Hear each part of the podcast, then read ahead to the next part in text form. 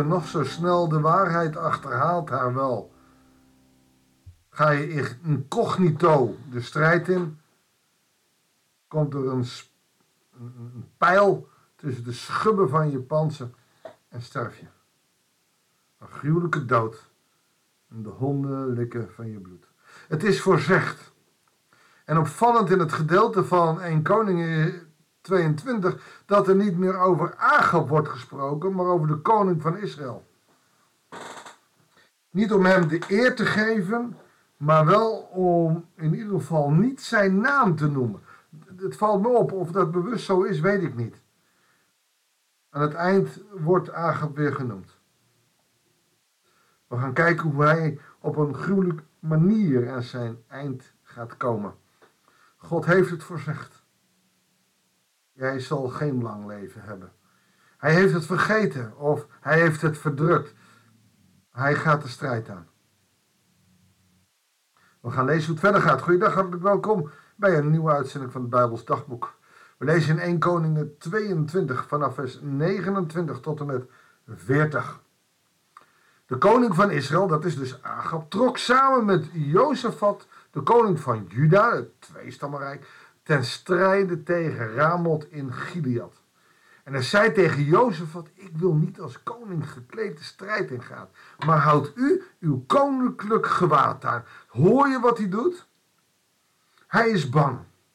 Hou jij het koninklijk gewaad aan, want jij bent maar van het twee-stammenrijk, of van het één-stammenrijk van Juda. Ik ben van het tien-stammenrijk van Israël. Ik ben belangrijk in, en ik wil incognito. Ik ga wel mee, maar ik wil incognito. Want de woorden van de profetie hangen als een zwaard van Damocles boven hem.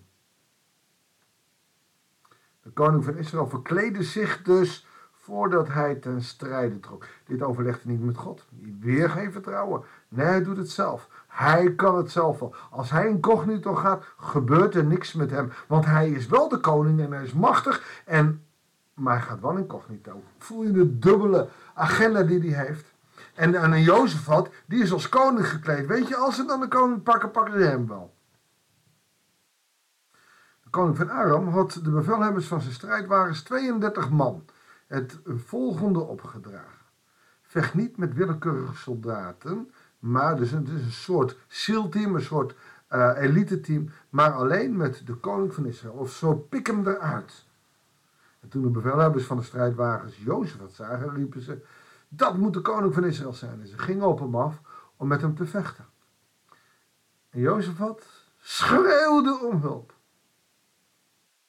Maar toen de bevelhebbers van de strijdwagens merkten dat hij niet de koning van Israël was, lieten ze hem met rust. Dat is gek. Hij vecht mee, hij is gewoon een soldaat, maar op het moment dat hij niet de koning is die ze nodig hebben, laten ze hem ook gewoon met rust.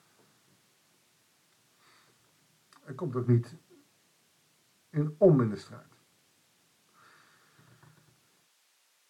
Even verder op het strijdtoneel spant een soldaat zijn boog en trof niets vermoedend de koning van Israël tussen de schubben van zijn panzer. En de koning zei tegen zijn wagenmenner, wend de teugel en breng me buiten het strijdgewoel. Ik ben zwaar gewond. De profetie komt uit. Maar de strijd liep zo hoog op dat ze de koning voor de ogen van de Arameërs in zijn wagen overeind moesten houden. Zo van, net doen of hij nog leeft. En tegen de avond stierf hij. Zijn wagen zat onder het bloed. Toen de zon onderging, werd er in het kamp het sein tot opbreken gegeven. De koning was dus gesneuveld. En na terugkomst in Samaria werd hij daar begraven. De strijdwagen werd schoongespoeld bij het waterbekken van de stad, maar de hoeren, waar de hoeren zich baden, oftewel een openbare plek. En de honden likten zijn bloed op, zoals de Heer het had voorzegd. Dus we maken het schoon op die openbare plek waar de hoeren zich uh, wassen. Dus dat is echt een verkeerde plek. Daar maak je de wagen van de koning toch niet schoon. Dat doe je in de koninklijke stallen. Nee, in dit geval daar. En de honden die er zijn, likken zijn bloed op. Verdere bijzonderheid over Agap, en dan wordt hij opeens weer genoemd. Over het paleis van Ivoor dat hij heeft laten bouwen en over alle steden die hij heeft versterkt, zijn opgetekend in de kronieken van de koningen van Israël. Toen Agab bij zijn voorouders te rusten ging, werd hij opgevolgd door zijn zoon Agasja. Wat een bizar verhaal weer.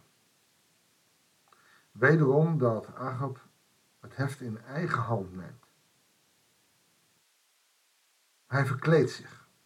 Geen vertrouwen op God dat die met hem zal zijn. En op een of andere manier heeft hij dat dan ook niet verdiend. Er is geen vertrouwen. God komt eigenlijk in zijn leven niet meer voor. Alleen als hij dan denkt, het moet even. En dan Micha, nou Micha zit gevangen. Hij gaat zelf en hij verkleedt zich wel.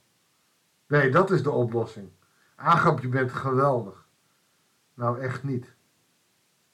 En het kan ook, het zou me niks verbazen als God, die ene soldaat, die niets vermoedend de koning van Israël tussen de schubben van zijn panzer raakt, gewoon heeft uitverkoren. Doe jij dat maar, vriend. Want ik heb voorzegd dat deze koning zal sterven en dat de honden zijn bloed zullen likken. Dat is ook over Isabel gezegd, zijn vrouw, die minstens zo slecht was. Het is van ongelooflijk groot belang dat wij ook in ons leven leren van deze Agap. Dat we meer en meer moeten leven met God en niet zoals Hij dat deed. Dus een negatief lesmoment. Niet doen zoals Hij dat doet, maar God veel meer betrekken bij al onze dingen die we mogen en moeten doen. Bij onze beslissingen. Heer, wilt u ons zegenen? Wilt u leiding geven? Spreek met uw Heilige Geest. Uh, en hoe meer we dat doen. En hoe meer we dus ook met God gaan leven. Des te meer zullen we de juiste beslissingen nemen. Des te meer zullen we de zegeningen van God ontvangen. Dat is niet altijd genezing. Dat is niet altijd geld. Soms zijn dat ook andere oplossingen. Daar mag je dan met volle teugen van genieten. Het gekke is, dat kunnen wij niet meer. Want het moet bij ons altijd groot, groot en grootst. En dat is jammer. Want dat is niet zoals God het wil. De wonderen van God liggen niet in de grote dingen, maar liggen in de kleine dingen. De zegeningen van God zijn die dagelijkse dingen, die knipogen die God ons geeft. Misschien wel juist in het diepste ellende van het lijden. Die knipoog van het ene schouderklopje. De zegen van God ligt op een andere manier dan wij zouden denken. Want hoe je het ook bent of verkeerd, God is geen Sinterklaas. God is een God van liefde en genade. Laten we dat nooit vergeten.